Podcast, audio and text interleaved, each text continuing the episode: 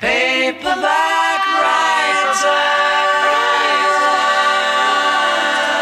De literaire kanon wordt nog altijd door mannen overheerst en literatuur van vrouwen wordt systematisch minder besproken in de literaire boekenbijlages. Zo bleek bijvoorbeeld uit het telwerk van de lezeres des Vaderlands. En wie wil er in de recensie van haar boek lezen dat ze een typisch vrouwenboek geschreven heeft? Eerder dan een compliment is dat een efficiënte manier om een boek af te serveren. De universele, universele ervaring die de grote literatuur kenmerkt, gaat die eigenlijk wel over vrouwen. En hoe, hoe neutraal is de literaire kwaliteit met hoofdletters? Hoe wordt die eigenlijk bepaald? Vandaag ga ik daarover in gesprek met verschillende gasten. Ik bel met Corina Kolen, die afgelopen maand promoveerde op een onderzoek naar de waardering van literair werk van vrouwen. En verder heb ik vrouwen van uitgeverij Chaos in de studio, die het heft in eigen hand hebben genomen en een feministische uitgeverij hebben opgericht. Hartelijk welkom, Jaël van der Woude. Hi. En Anoushka van Wettem, een van hun auteurs. En verder krijgen we vandaag nog tips in de rubriek Leeswijzer en Boekenstad met Fiep van Bodegom en Obe Alkema. Maar voordat we dat gaan doen, luisteren we naar het nummer Meisje van 18 van de Utrechtse band Moi le die voor hun nieuwe album, let op de titel, Hoge Lieder en de Slieder en de Kire Kire, ik heb dit niet bedacht, is echt de titel, uh, oude Nederlandse volksliedjes nieuw leven inblies. Of in de woorden van de volkband zelf, een avontuurlijke interpretatie van de soms ronduit onnavolgbare liedjes die uw grootmoeder zong tijdens het bramen plukken. Daar komt die meisje van 18 jaren. Zo gaat het met al die mooie meisjes, zo gaat het met al die mooie meisjes. Die de jonkman brengt tot schand en die de jonkman brengt tot schand. Ja, zo gaat het met al die mooie meisjes die de jonkman brengt tot schand. Een oud Nederlands volksliedje over een meisje dat wel heel erg te lijden heeft onder het patriarchaat. Op muziek gezet door Moi Le Voisin op hun uh, album, ik zeg het nog één keer, Hoge Lieder en de Slieder en de Kire Cariquet. Te verkrijgen op uh, Bandcamp als je zoekt op Moi Le Voisin, oftewel Frans voor ik, de buurman. Gelukkig ziet de wereld er vandaag een stukje anders uit, maar het patriarchaat, uh, dat is hardnekkig. Daar hebben we het vandaag ook over in de uitzending van Paperback Radio over vrouwen in de literatuur. Bij mij in de studio heb ik uh, Jaël van der Woude, die samen met Sayonara Stuttgart en Talia Ossendorf de intersectionele feministische uitgeverij Chaos oprichten. Hartelijk welkom Jaël. En Anoushka van Wettem, een van de auteurs die zal uh, worden gepubliceerd in de aankomende bundel Niks. Hartelijk welkom allebei. Uh, Jaël, aan jou de allereerste vraag. Wat is uitgeverij Chaos? Even één momentje, volgens mij ben je niet te verstaan. Nu wel, Jaël. Ik had de eerste vraag aan jou gesteld. Wat is uitgeverij Chaos? Uitgeverij Chaos is een uh, intersectionele feministische uitgeverij. Um, we zijn vorig jaar begonnen eigenlijk, uh, bijna anderhalf jaar geleden. En um, met z'n ja, drieën eigenlijk. En um, Kun je, vertellen wat het is? Wat, wat is een intersectioneel feministische uitgeverij? Ik denk niet dat elke luisteraar dat weet. Nee, het, is, het klinkt als best wel een, een groot woord, maar het uh, verklaart zichzelf eigenlijk. Intersectioneel van intersectie, van um, op een, een, kruispunt staan.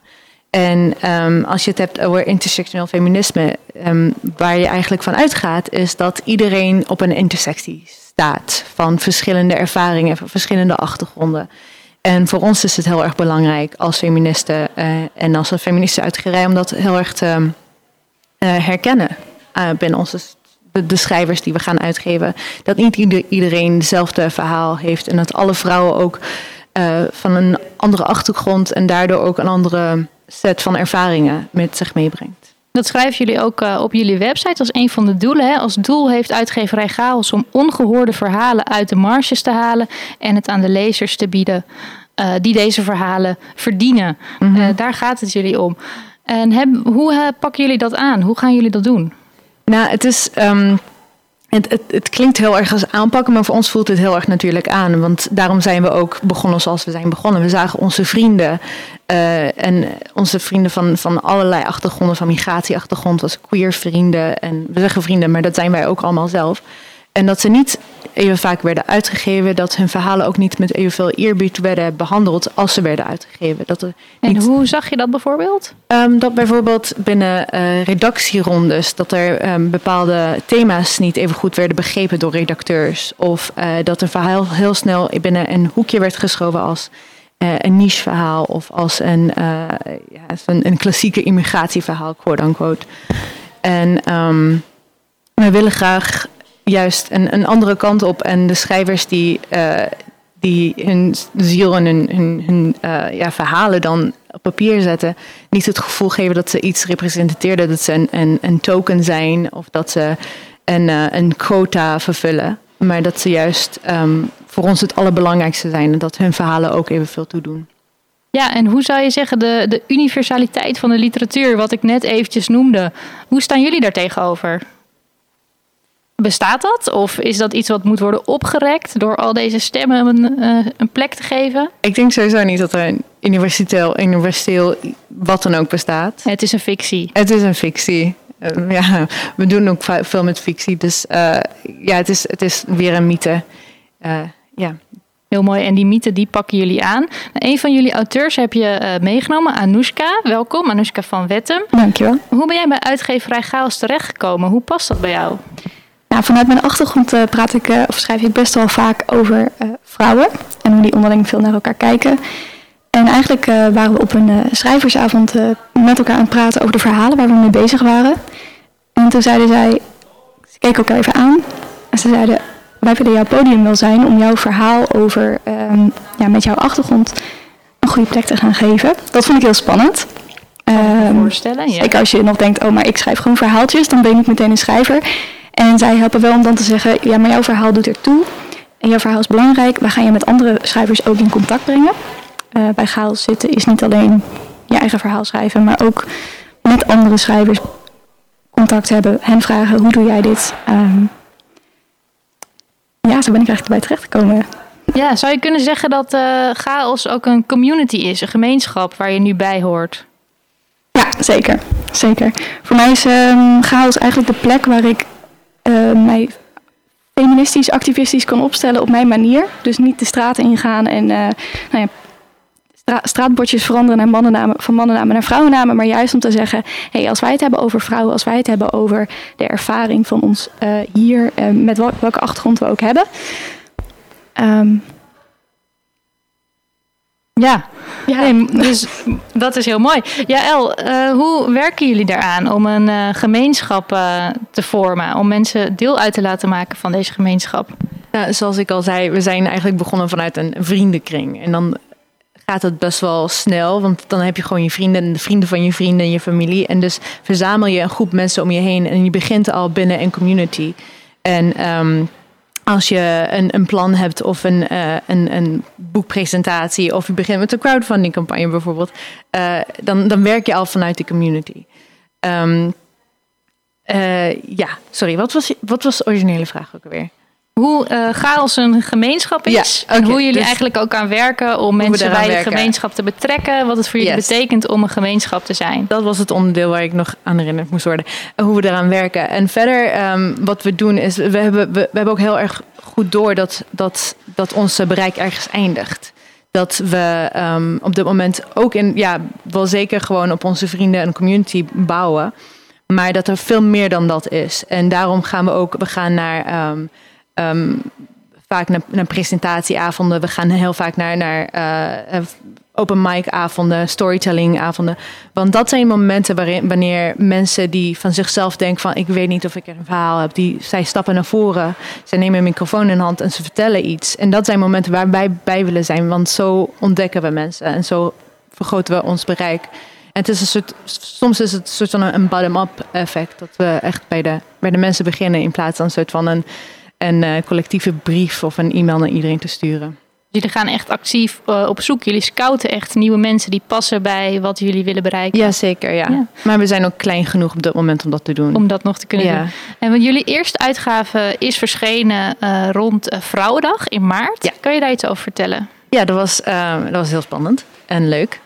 Het was een, een hervertaling van Virginia Woolf's ehm, Een Kamer voor Jezelf, wat in 1928 uh, origineel verscheen. Het was gebaseerd op een serie uh, lezingen. En um, voor de laatste keer in het Nederlands um, in, voor mij in de jaren 50 vertaald. En waardoor de vertalingen die er nu te verkrijgen waren, waren allemaal best wel outdated. Maar ook werden ze gewoon niet meer uh, geprint. Dus um, het was niet meer verkrijgbaar in de boekhandel meer, Het was verkrijgbaar, maar het werd niet opnieuw geprint. Mm -hmm. Dus uh, gedrukt. En um, wij, wij, het was eigenlijk met, met in, in samenwerking met het gesprek met, met, een, met onze vertaler Monique Terberg, dat we um, met het idee kwamen van oké, dit moet nog een keer uh, worden uitgegeven. En niet alleen maar uh, als een uh, essay op zich, maar in de context worden geplaatst van, um, van hedendaags feminisme, maar ook in de Nederlandse context. En daarom hebben we ook een voorwoord laten schrijven door Gloria Wekker en Simone van Saarloos. En wat was voor hen de relevantie om vandaag de dag uh, Virginia Woolf's een kamer voor jezelf weer open te slaan? Wat spreekt er uit die inleiding? Um, je bedoelt voor Gloria en Simone? Ja, en ook voor jullie als uitgeverij. Waarom is het belangrijk om vandaag juist weer dit boek uh, te vertalen? Nou, ik, het is, het is, ik, ik weet niet of jij het, uh, het Room of One's Own hebt gelezen uh, recent. Of dat nee. het heel vers Nou, het is heel grappig, want het leest. Het is, zeker, het is duidelijk dat het 1928 is geschreven. Maar zoveel van haar vragen, zoveel van de argumenten die ze maakt, zijn zo relevant nog steeds. Het is duidelijk dat zij uit een bepaalde um, tijdperk komt. Dat ze een, een, een, een witte geprivilegeerde achtergrond heeft. Um, um, maar tegelijkertijd uh, zegt ze dingen zoals waar, dat vrouwen niet evenveel worden gelezen, niet even niet even vaak, uh, niet even vaak worden uitgegeven.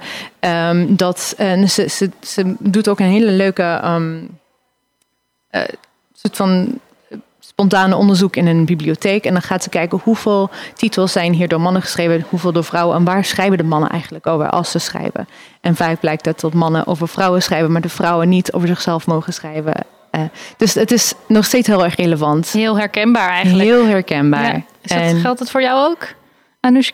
Ja, ik las hem, uh, ik, las, hem nog een keer terug. Uh, we hadden ook een essayclub met, uh, met, met Gaals, waarbij ze nog meer mensen hadden uitgenodigd om ook opnieuw het verhaal in te duiken.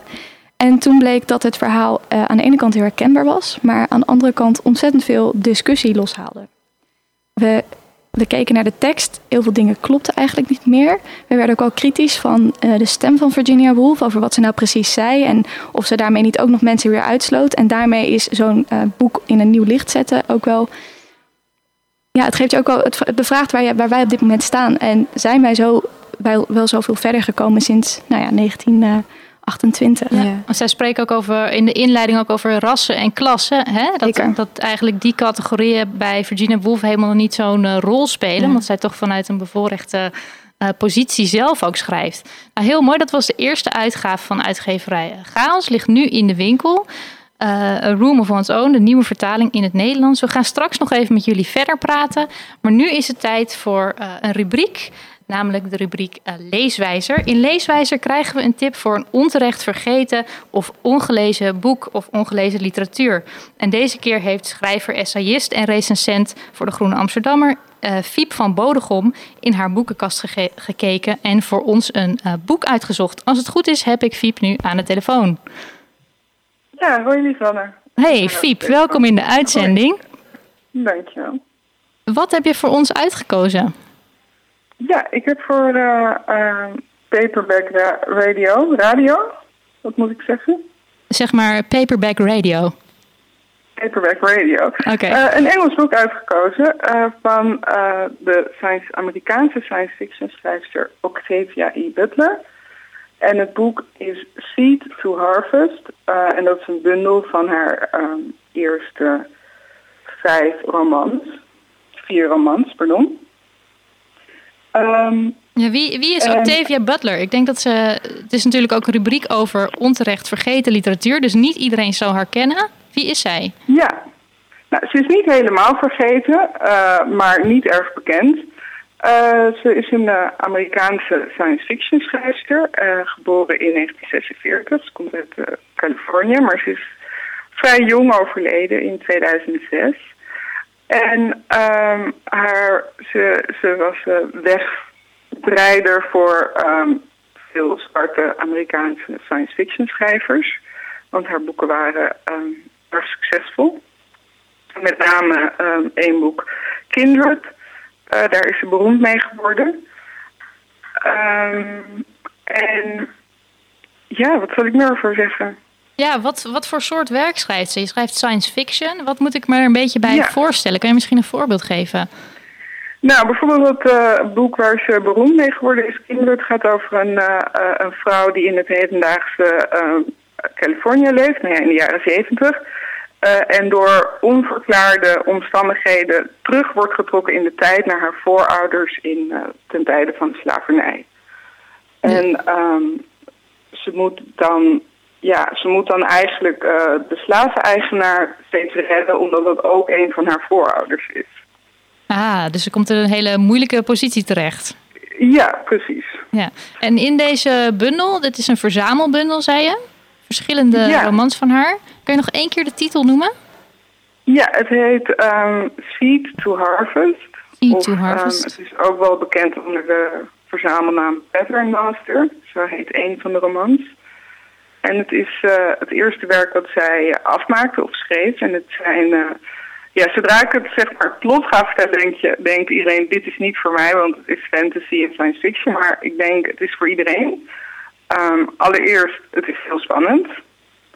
En nadat je het uh, nachtenlang door hebt gelezen, kun je het nog een keer lezen en besef je dat het ook over allemaal andere dingen gaat, zoals wat is vrijheid, wat is keus, wat is een keuze onder dwang, um, hoe, hoe ver ben je in staat om je aan te passen om te overleven.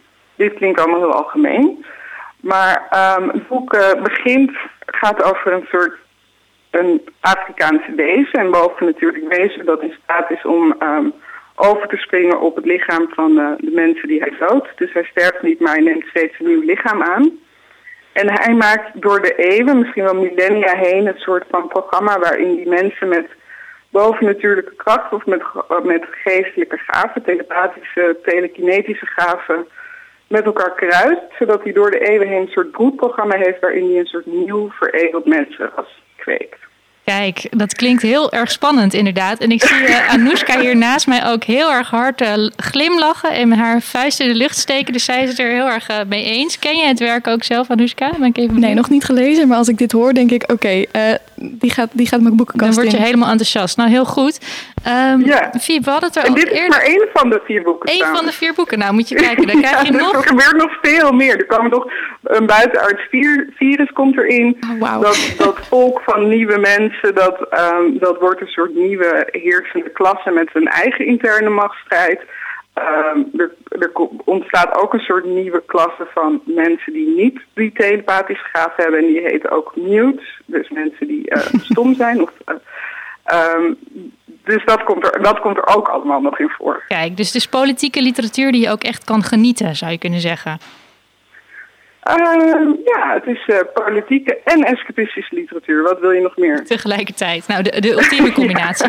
We hadden het al even over, um, toen ik jou uh, eerder hierover sprak, dat ik natuurlijk wil weten waar mensen deze boeken kunnen verkrijgen. En toen gaf je aan dat dat niet zo makkelijk is. Nou, je kunt het natuurlijk je kunt het online krijgen. en, Bijvoorbeeld op bol.com of Amazon kan je e-books ja, downloaden? Wat beide natuurlijk niet echt uh, platforms zijn die ik wil aanraden. Maar het is inderdaad, dat is uh, Nood, noodbreekt wet in dit geval? Ja, of misschien kun je het bestellen via je boekhandel. Dat natuurlijk altijd. Dat is altijd aan te raden. Ja, maar een ander uh, punt is dat uh, het mij heel interessant lijkt als deze boeken vertaald worden. Want er is heel veel science fiction en fantasy vertaald naar het Nederlands, omdat het een heel populair genre is. Ook al wordt er nog steeds een beetje, um, misschien door de serieuze literatuurkritiek een beetje op neergekeken als uh, genre literatuur.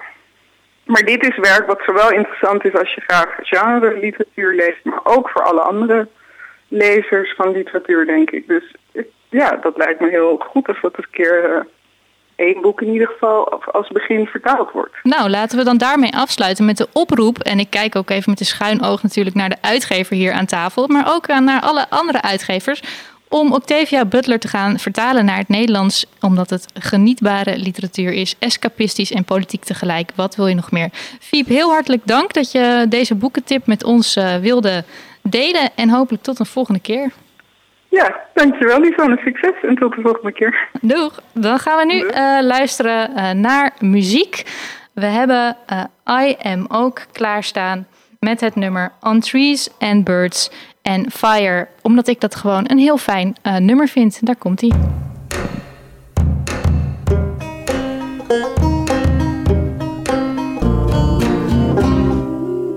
Welkom terug bij eh, Paperback Radio vanuit het Tropenmuseum in de aflevering over uh, literatuur, vrouwen in de literatuur.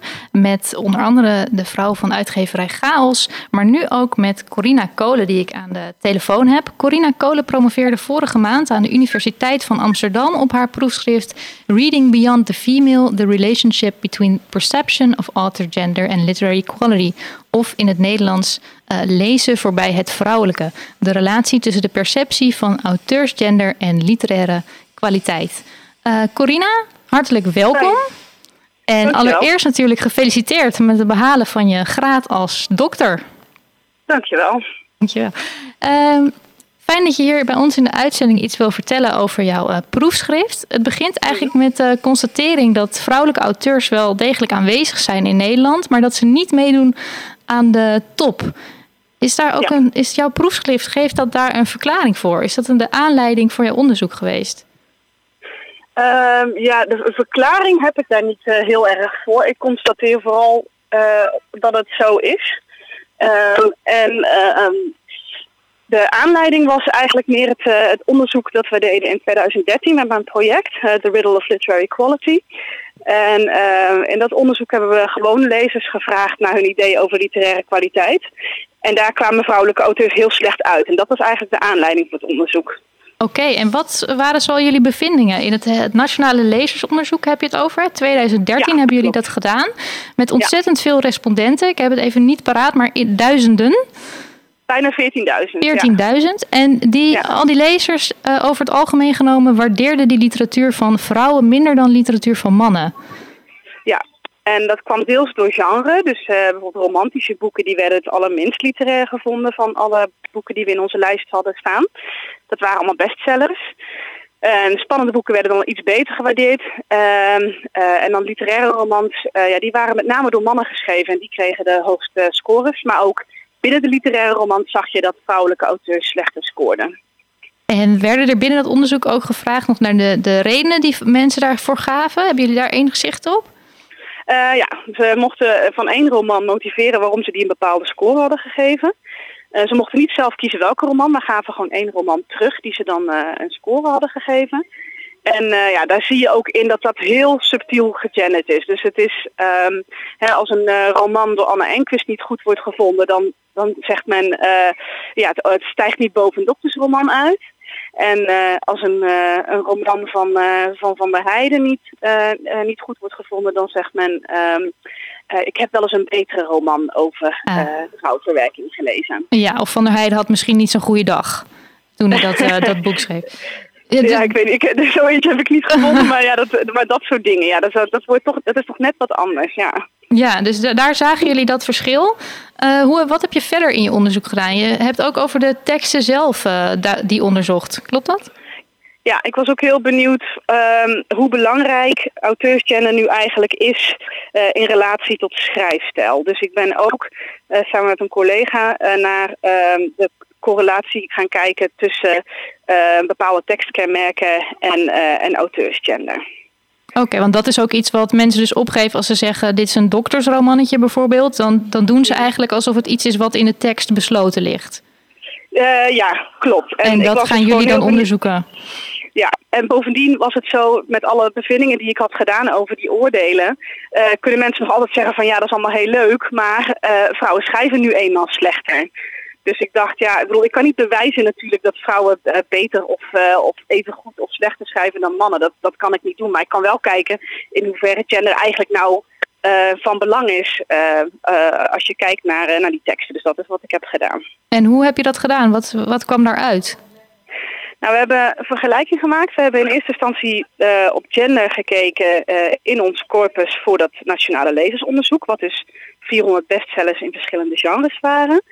En um, nou, dan vind je verschillen die redelijk stereotypisch uh, zijn. En toen hebben we een, een andere set van romansen tegenover gezet, die genomineerd waren voor de ACO en de Libris. En um, als je dan gaat kijken naar de genderverschillen, dan worden die in één keer veel kleiner.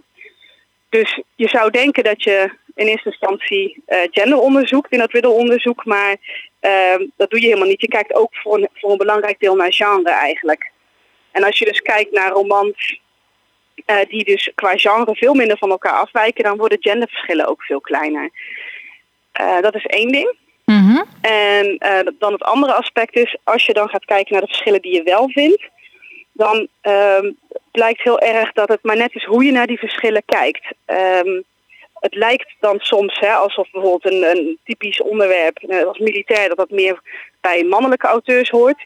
Maar als je gaat kijken hoe dat daadwerkelijk in die romans er dan uitziet, dan zie je dat het eigenlijk helemaal niet zo'n belangrijk onderwerp is. En dat een onderwerp als gezinsleven bij de meeste romans van de mannen die we analyseerden gewoon groter is dan het militaire onderwerp. Terwijl dat eigenlijk heel vaak geassocieerd wordt natuurlijk met literatuur van vrouwen. Hè? oh, dit gaat Ja, alleen maar over klopt. het gezin. Dit is niet echt hè, de universele thema's. Ja, en je ziet wel dat dat gezinsonderwerp dan weer iets sterker aanwezig is bij die vrouwelijke auteurs. Maar het is bij de meeste mannelijke auteurs ook zeker eh, wel aanwezig. Dus het is niet zo vrouwelijk als men denkt. En Dat is mijn punt vooral. Ja, dus dat heb je eigenlijk heel mooi kunnen laten zien hè, aan de hand van digitale eh, methoden. Misschien kan je daar heel kort iets over zeggen? In een soort taal, Eh. dat wij dat ook begrijpen, wat, hoe dat eruit ziet? Ja, nou ja, je kunt, wat je kunt doen met een, en dat is heel oneerbiedig, zeker voor literatuurwetenschappers, is je kunt een, een roman kun je gewoon omtoveren in een zak met woorden. Dus dan maakt de volgorde niet meer zo heel veel uit. En dan ga je gewoon kijken van nou, welke woorden zijn nu typisch voor de ene auteur en welke woorden zijn nu typisch voor de andere auteur. En dat kun je op verschillende manieren doen. Je kunt kijken naar de uh, hoogst frequente woorden. Ehm, dus uh, de functiewoorden, nou daar kun je auteurschap heel goed mee herkennen. Mhm. Um, maar je kunt ook kijken naar, naar alle woorden of naar uh, minder frequente woorden. Dat zijn gewoon, en dan kun je de computer over laten rekenen. Zo van welke woorden komen nu veel voor bij een bepaalde auteur of bij een bepaalde groep auteurs ten opzichte van andere auteurs of andere groepen auteurs. Ja, dus je hebt eigenlijk heel veel verschillend uh, materiaal in je, je onderzoek verwerkt. Aan de ene kant het onderzoek naar, dat, uh, naar leesgedrag aan de hand van het nationale uh, lezersonderzoek. En aan de andere kant mm -hmm. het onderzoek naar de tekst zelf. Op basis van dit soort ja, woordzakanalyses, zal ik maar even heel onerbiedig zeggen. ja. ja, heel mooi. En je eindigt je proefschrift met een, met een oproep of een aanbeveling. Mm -hmm. En wat, wat, is dat? wat is die?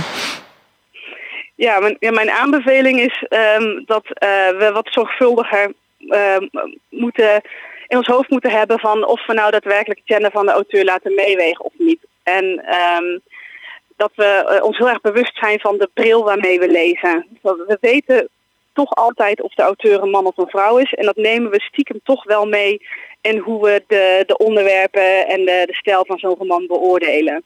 En, en mijn aanbeveling is dus dat we ons daar veel dat we ons daar veel bewuster van zouden kunnen zijn. En hoe zouden we dat kunnen doen? Ja, uh, aan de ene kant uh, zou ik zeggen, koop meer uh, literatuur door vrouwen. Doe dat ook heel bewust. dat zou al schelen, maar ook je zou ook bijvoorbeeld is een roman door een vrouw kunnen lezen en dan doen alsof het door een man geschreven is of andersom. En dan kijken van nou zou ik het nu anders bekijken als ik dacht dat de auteur van een ander gender was. dus dat, zou, dat is ook nog een manier. Dus eigenlijk bij jezelf nagaan als je aan het lezen bent van... hé, hey, laat ik nou mijn oordeel over deze roman beïnvloeden... door de gender van de auteur of niet. En aan de andere kant ook misschien met name een oproep aan uh, mannen. Hè. Lees ook eens een boek van een vrouw. Het werd al eerder ja. even genoemd. Nou, dat ja. lijkt me een hele, een hele mooie aanbeveling om, uh, om mee af te sluiten. Uh, voor iedereen. Ik heb hier ook de dames van uitgeverij Chaos in de studio. De vrouwen van uitgeverij Chaos, moet ik natuurlijk zeggen. Uh, die volop bezig zijn met het uitgeven van uh, boeken van vrouwen. Daar ga ik zo mee verder praten. Corina, heel hartelijk bedankt dat je ons over je onderzoek wilde vertellen. Ik zou ja, zeggen, ga, ga, ontzettend genieten van de vakantie die je nu heel hard verdiend hebt. En Dankjewel. Ik hoop dat er nog meer mooi onderzoek van jou komt in de toekomst. Dankjewel. Laat ik het zeker weten. Bedankt. Oké, okay. hoi. Ja, terug naar de studio. Naar um, ja, El van der Woude en Anoushka van Wettem. Wat uh, herkennen jullie de bevindingen van Corina? Is dat iets wat je tegenkomt in je dagelijkse lees- en werkpraktijk? Oh ja, zeker. Dit is gewoon. Het is, het is grappig. Zoveel van wat ze zegt is ook wat er terugkomt in, in Een Kamer voor Jezelf. Uit 1928 moet ik nog een keer herhalen. Um, en ook het idee dat, dat vrouwen minder goed schrijven. Dat is ook een idee dat Virginia Woolf zelf ook aanhaalt. En dat ze, ze gaat bijvoorbeeld door een, door een, um, een stuk van, van Emily Brunt. En, en ze, ze haalt het helemaal uit elkaar. Van kijk, hier schrijft ze als een vrouw, hier schrijft ze als een vrouw. Hier laat ze haar gedachten soort van de weg lopen, de wilde weg lopen. En zo zie je dat ze als een vrouw schrijft. Dus um, ja, het is, het is wel echt. Uh, ik, ik zag dat het onderzoek al voorbij komen. En ik dacht van ja, dit is een gesprek waar we nog niet uit zijn, blijkbaar. Nee, het moet nog volop worden gevoerd. Daar zijn jullie ook mee bezig. We hadden het net al inderdaad over de eerste publicatie van uitgeverij Chaos. Een vertaling van Virginia Woolf's Een Kamer voor Jezelf. Mm -hmm. Jullie zijn nu druk bezig met de volgende. Namelijk de bundel uh, die Nix heet. Ja. N-Y-X wordt dat gespeld. Dat wat, wat gaat er gebeuren in die bundel? Wat is het? Nou, het is een, een, een bundel, een bloemlezing. Ja. Een bloemlezing is vooral gedicht of niet. Het is, een, het is een collectie korte verhalen en gedichten van twaalf verschillende schrijvers. Um, uh, van, van allerlei verschillende achtergronden. Vrouwen, uh, queer mensen, uh, mensen met migratieachtergrond, iedereen. Um, al onze vrienden eigenlijk. Um, en het zijn allemaal verhalen over de nacht. Over de nacht? Over de nacht, ja. En waarom de nacht?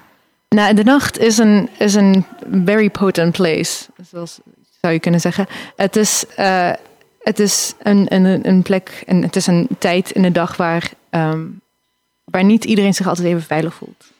Uh, maar tegelijkertijd kan de nacht ook heel veel creativiteit uh, teweeg brengen. Ik weet, ik weet niet of jij ooit eens om drie uur s'nachts uh, achter je computer heel hard aan het typen bent geweest. Want ineens krijg je een idee.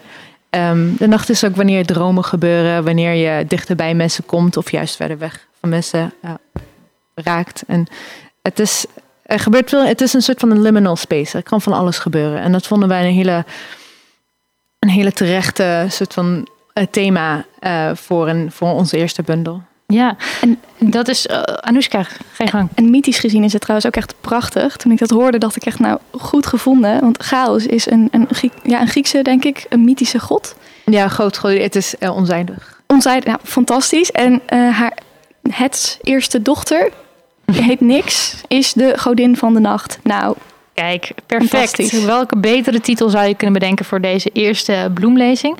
Anoushka, jij staat daar ook in met een gedicht. En dat, zou je dat voor ons willen voorlezen? Kunnen we alvast een sneak peek in uh, de bundel Niks? Yes. Het heet Vaders. Het filosoferen van vrouwen in de nacht. Wanneer de tweede fles whisky al open is getrokken en het gesprek op vaders uitdraait, niet moeders. Over veiligheid en vertrouwen en ziek genoeg een soort universele teleurstelling. Gescheiden ouders, vreemdgaande ouders, een vader die zich letterlijk dood heeft gezopen. En hoe wij vandaag onze geliefde aankijken, maar twijfelen of we dan toch een betere vader hebben gevonden voor later. Een krachtige vrouw zakt in de kussens van mijn bank. Een paar snikken. Ja, die alcohol, maar wij knikken mee. Van binnen huilen we allemaal. Zijn de snikken al lang naar binnen gekeerd, omdat we het zo graag willen geloven en niet voorbereid waren op wat kwam. Ze zeggen dat vrouwen langer zouden overleven of dat het niet uitmaakt, omdat we zo achterbaks kunnen zijn. Maar als ik vanavond onhandig over haar schouder wrijf en met boeken aankom zetten om te begrijpen en typische vadergrappen maak. Mijn rolmodel, mijn superheld, naar wie ik mijn liefde niet kan uitspreken zonder tranen. Die me geleerd heeft hoe je mens bent met gebrokenheid omgaat en hoe je verder leeft als je jezelf teleurstelt. Ach, en mijn moeder, mijn lieve moeder. Ook zij is zelf de vader waar ze zo naar heeft verlangd. Dankjewel. Wat een mooi gedicht en wat ontzettend mooi uh, voorgedragen. Uh, dat was Anoushka van Wetten met haar gedicht Vaders, toch? Ja. De titel, ja. Heb je dit speciaal geschreven voor de bundel Niks? Of bestond dit gedicht eigenlijk al ergens? Het is een beetje tegelijkertijd ontstaan. Het is uh, eigenlijk gebaseerd op een waar gebeurd moment. In de nacht met vrouwen. Er kwam een gedicht uit. En vervolgens hoor ik over een, uh, een bundel over vrouwen in de nacht. En toen dacht ik, nou, dan is dit een uh, hele mooie 1 in 1. Ja, zeker. Ik uh, zie ontzettend uit naar de bundel. Volgens mij wordt het ontzettend mooi. Anoushka, jij werkt, je maakt dus gedichten. We hebben er net één gehoord. Maar je werkt ook aan andere vormen van fictie, korte verhalen, romans. Kan je daar iets over vertellen? Ja, op dit moment ben ik bezig met ook feministische sci-fi. Een wereld waarin alle, iedereen in slaap valt. En jaren later, als de hele wereld al is vergaan, worden alleen de vrouwen wakker, zijn alle mannen verdwenen. En dit gebruik ik als een soort onderzoeksgrond uh, om te kijken naar hoe de blik van de weggevallen blik van mannen invloed heeft op hoe vrouwen met elkaar omgaan, maar ook de blik van vrouwen onderling. Um, ja, want ze moeten overleven. En hoe ga je dat doen als je heel weinig stratenmakers hebt, heel weinig buschauffeurs, technische mensen worden dan ineens heel belangrijk. En uh, daar laat ik het even bij. Ah, heel spannend. Je houdt het nog een beetje geheimzinnig. Misschien kan je wel iets vertellen over uh, je inspiratiebronnen bij dit schrijven. We hebben natuurlijk net Fiep van Bodegom even gehoord. Die had het over Octavia uh, Butler, waarbij je heel, waar je heel enthousiast van werd. Is er bepaalde literatuur van vrouwen of bepaalde science fiction die je graag leest en die ook jouw eigen schrijfproces beïnvloedt? Ja, mijn grote, grote, grote voorbeeld is Angela Carter. Een ja, Engelse schrijfster. En zij laat gewoon... Um, voor haar is realiteit en rationaliteit niet zo heel belangrijk. Maar juist de, hoe, hoe, dromen werken en hoe bepaalde associaties werken. En die symboliek, die, eh, die vind ik enorm interessant. Omdat ze daarmee ook gewoon van alles door elkaar kan gooien. Mannen worden vrouwen, vrouwen worden mannen. Dat heeft, hebben, dat heeft allemaal implicaties. Um, en als je dat leest, dan... Ja, ik hou niet zo heel van realistische verhalen. Dus doe mij maar lekker science fiction. En lekker uh, gooi de droom er maar doorheen. En wat is nou echt... Uh, en dat probeer ik zelf ook te maken. Omdat het ook um, een beetje tussen poëzie en, en, en proza terechtkomt dan. Dus je hebt eigenlijk meer vrijheid in de vorm ook door zoiets te, zo'n thema te kiezen. Ja, en het, is een enorm, het zijn enorm gekke boeken van haar specifiek dan. Um, maar dat kan dus ook. En die vrijheid die, die, die zij dan als voorbeeld voor mij geeft, dat vind ik gaaf. Een ruimte voor jezelf maken op die manier. Ook Kijk, in genre. Ja, ook in genre. Een ruimte voor jezelf maken. Uh, ja, El, dat... Um, dit zien we eigenlijk wel wat vaker terug. Hè? Een interesse in science fiction. Um, in Nederland komt het misschien een beetje laat op gang, maar nu ook. Je werd net al heel, heel enthousiast van, zag ik ook. Ja. Wat, wat vind jij ervan? Heb je dat gezien in ontwikkeling? Of? Ja, science fiction, ja, dat, dat is al een hele tijd niet geweest. Ik weet niet of het ooit is geweest. Um, ja, het is, ik, ik vind het een hele, ja, een hele rijke genre. Want je kan daar je kan het als een analogie gebruiken. Je kan naar je eigen samenleving kijken en dan er iets geks van maken. En dan dat juist gebruiken om bepaalde uh, narratieven naar voren te brengen. Die als je het gewoon het leven zoals het is beschrijft, zoals het nu is, die misschien niet even sterk naar voren komen. Dus als, inderdaad, als je bepaalde dingen uitvergroot, als je een, eh, een dystopie creëert waarin bepaalde dingen in één keer wegvallen. Um, en het is, ik, het, ik denk dat het jammer is dat het nog niet is geweest, want het, het um, het geeft je wel heel erg heel veel reflectie over uh, die verhalen die wij creëren als samenleving. Ja, het is natuurlijk helemaal geen nieuw genre. Science fiction nee. bestaat al heel lang. In Nederland lang. hebben we misschien een paar voorbeelden. Ik moet dan ja. zelf denken aan uh, Bordewijks dystopische stadsverhalen bijvoorbeeld ja. in uh, blokken. Maar inderdaad, het is nu wel iets wat we meer zien in workshops en in ook verhalen van anderen. Um, ik denk dat het ook belangrijk is om te zeggen dat, dat science fiction eigenlijk is ook, ook begonnen is door een, door een vrouw, Mary Shelley. Kijk. Dus uh, het is ook geen. Voor mij is het niet een, een verrassing dat het nu in één keer wordt doorgezet. Nee, dus het is eigenlijk heel welkom, deze ontwikkeling. Super welkom, ja. Is er misschien een reden dat het een beetje laat is in Nederland? Of dat er nu op dit moment is er iets misschien in de situatie? Het is een beetje speculeren, maar waarom komt het nu opeens op? Heb jij er een idee van, Anoushka? Nou ja, George Orwell kwam ineens helemaal terug uh, toen Trump aan de macht kwam. Toen gingen we ineens weer dystopieën lezen. Ja, ik kon die man niet te veel credit geven, maar uh, en in... toen vonden we het weer interessant. Wat gebeurt er als het allemaal niet zo goed gaat als dat we denken dat het gaat in de wereld? Ineens ga je vragen of, of de structuren die we hebben gebouwd wel voor, wel voor eeuwig kunnen blijven en of, we, of het niet beter kan. En ik denk ook het idee van fictie op zich. Uh, op dit moment, in de laatste twee jaar, wordt fake news is gewoon overal. Ik denk dat we in één keer een interesse krijgen van hoe lezen wij waarheid en hoe lezen wij iets wat inderdaad fictie is en wat is het verschil ertussen.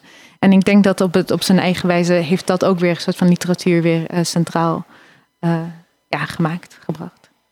Ja, heel, uh, lijkt me heel relevant. Fijn dat we meer science fiction kunnen gaan lezen, ook in Nederland, juist in het nu. Voordat we uh, afsluiten met de rubriek Boekenstad, waarin we een uh, tip krijgen van Obe Alkema, moeten we natuurlijk even vermelden dat er een crowdfunding is van uh, uitgeverij Chaos. Want ja. niks, dat komt er niet zomaar, komt niet uit het niks. Wat is er voor nodig?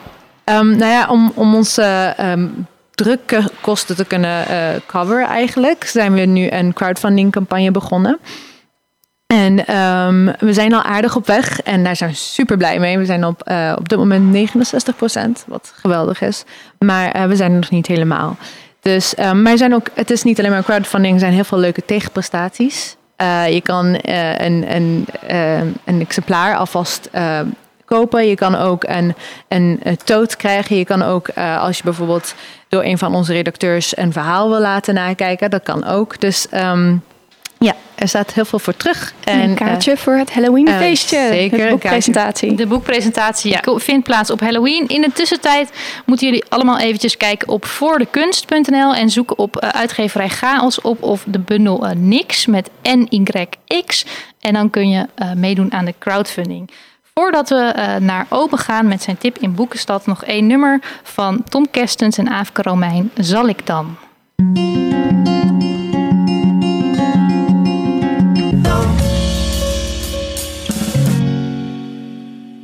Welkom terug bij Paperback Radio op Amsterdam FM. Het is tijd voor de rubriek uh, Boekenstad, waarin ik iemand uit de boekenwereld vraag wat er de komende tijd in Amsterdam te beleven valt op het gebied van boeken en literatuur. Vandaag geeft dichter, redacteur en recensent Obe Alkema een tip. Als het goed is, heb ik hem aan de telefoon. Obe. Hey. Hey. telefoon. Ja, welkom in de uitzending, uh, Obe. Dankjewel, bedankt voor de uitnodiging. Wat uh, valt er te tippen de komende tijd? Uh, bij Perdu, het Poëziecentrum in Amsterdam, op de Kloveniersburgwal, vindt uh, over anderhalve week vinden daar twee, anderhalf, volgens mij twee weken zelfs, vinden twee geweldige programma's plaats die over do-it-yourself publishing gaan. Do-it-yourself publishing. Misschien voordat we daarover gaan, heel goed om te zeggen: we zijn vandaag niet live. Dus als u dit hoort, dan zit er iets minder tijd tussen. We hebben het over vrijdag 15 juni en zondag 17 uh, juni. Uh, mm -hmm. Voordat mensen Klopt. op de verkeerde dag voor de deur op de Kloveniersbrug ja. gaan staan. Uh, Do-it-yourself gaat het over. Do-it-yourself publishing, wat is dat? Um, Do-it-yourself staat voor een manier van werken zonder hulp van experts of professionals. En als je dat doet um, met literatuur, dan doe je dat bijvoorbeeld zonder de tussenkomst van een uitgeverij of andere instituten in het veld. Dus dan geef je bijvoorbeeld je eigen boeken uit of um, uh, kleinere uitgaven zoals zines of chapbooks.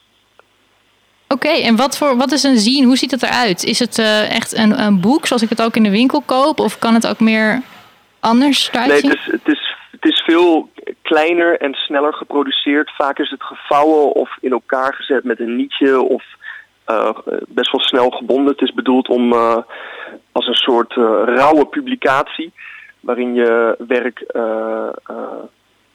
publiceert en dat ook sneller kan verspreiden. Dus het, ziet er, het, kan er heel gelikt uitzien, maar soms kan het er ook iets minder gelikt uitzien.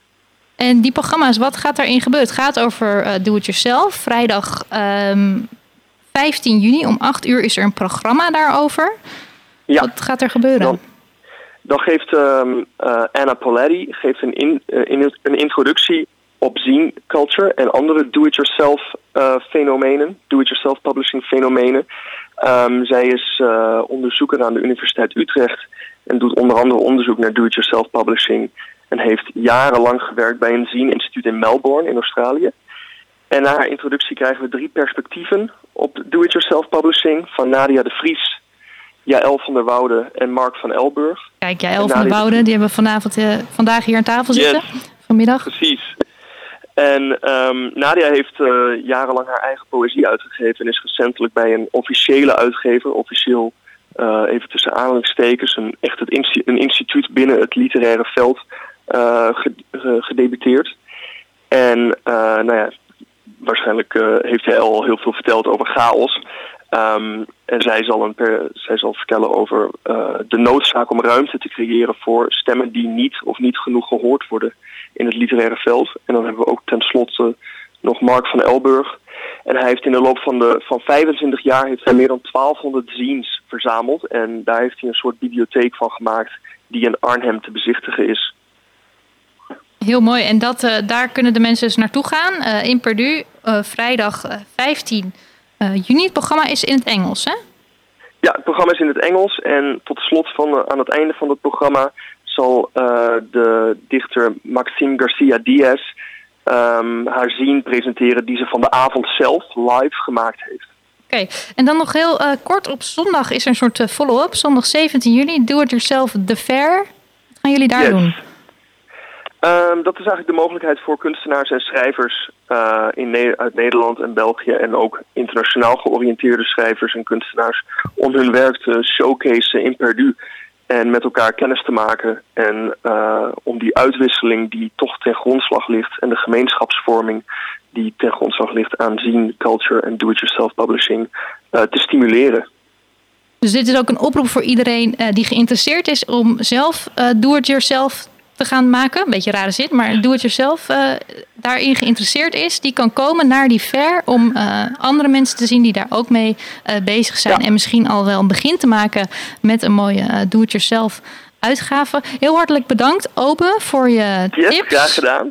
yes. Vrijdag 15 juni en zondag 17 juni in Perdue. Alle informatie kun je terugvinden op www.perdue.nl.